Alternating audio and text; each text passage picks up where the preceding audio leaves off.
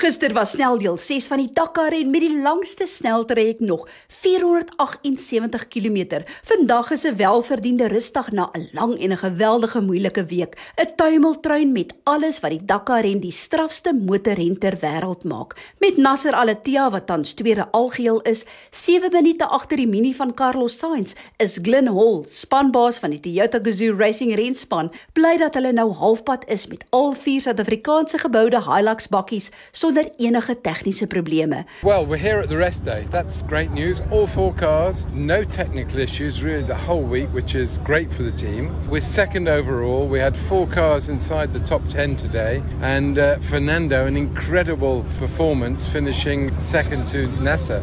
Kyk hoe Janiel Nasser Alonso en ten Brinke die sand van Saudi-Arabië aandurf. Besoek www.tgrsa.co.za of soek TGR South Africa op sosiale media. Treasury One Motorsport se Henny de Klerk met hulle Redline Motoring Adventures se geboude in Nissenavara is tevrede met hulle resultate. Daarom het ons 'n goeie dag gehad, uh, 30ste overall sover. En uh, ja, nee, ons is tevrede met die resultaat. Lekker hard gery. Uiteindelik het ons ons banddruk reg gekry en die navigasie was reg geweest. Alles het saamgewerk. Ons het wel een papiel gehad vroeër aan, bietjie tyd, seker 3 minute daar verloor. Maar verder was 'n uh, goeie dag geweest. Môre is die rustigste. Uh, ons is poot uit. Uh, ons het al amper 4000 km gedoen in totaliteit. Elke aand in die beweeg geslaap in tente, so ek het 'n lekker verkoue opgetel. Hooplik kan ek vinnig herstel en dan is ons reg vir uh, stage 7. So ja, nee, Dakar is uh, definitief taaf hierdie jaar. Daar's niks maklik rondom hierdie resies nie. Konrad Rautenbach van Zimbabwe en hulle Zephyr sien uit na volgende week.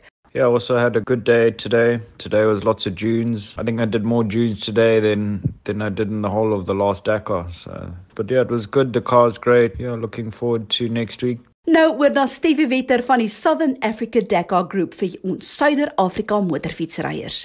When Southern Africa watched our competitors with pride and awe as they rode up onto the podium in Jeddah, no one could have guessed that the Dakar roller coaster would rocket us to the heights of euphoria as Janelle and Ross both won stage two in their class. We then fell into the depths of despair the very next day as we watched Ross sobbing on his bike after he crashed. We held our collective breath as battered and bruised. He bounced back into third place on stage and continued his meteoric comeback in stages four and five. Until today, we experienced new lows as we watched a silent Ross dragging his bike, desperately trying to get to the finish line. Ross explains what happened. So definitely the worst uh, day off for me in the Dakar. The tyre started going quite early in the race, so I just tried to nurse it home and then got all the way to 400 meters before the finish and couldn't climb a dune. Uh, thank God there was a guy from uh, Portugal. I still have to find out his name and his number because he, was, he really saved me. Uh, he had to finish the race and then walk back like about 600 meters just to come and help me pull the bike across the finish. So it was really phenomenal. And then they wouldn't let me get assistance until I got to the media tent, so I had to get another 600 meters to the media tent. So thank goodness uh, my teammates Phil and Kirsten towed me there. And um, after that, we couldn't get the chain out, so we had to get towed all the way back to Bivouac, 170 k's. And uh, big thanks to Graham for doing that. He really, he really helped me out tonight. And uh, you know, we just made it within his allotted time. So big, big thank you to him. And I guess that's racing. We're going to try keep our chin up, and uh, there's another week to go. I'm still in it, so just go for a good couple of stages next week. They say that the African spirit comes out in times of adversity. Today, teammates Kirsten Landman and Phil Wilson assisted while the spirit of the Great Heart reflected off Graham Sharp's Zimbabwe flag as he towed Ross 170 kilometers back to the bivvy, ensuring that they both fight another day. It is not often that you see true and unconditional sportsmanship like this, but Graham showed the true Dakar spirit. You are a legend, Graham. Well done. Our girls, Taye Perry and Kirsten Landman, are making us proud.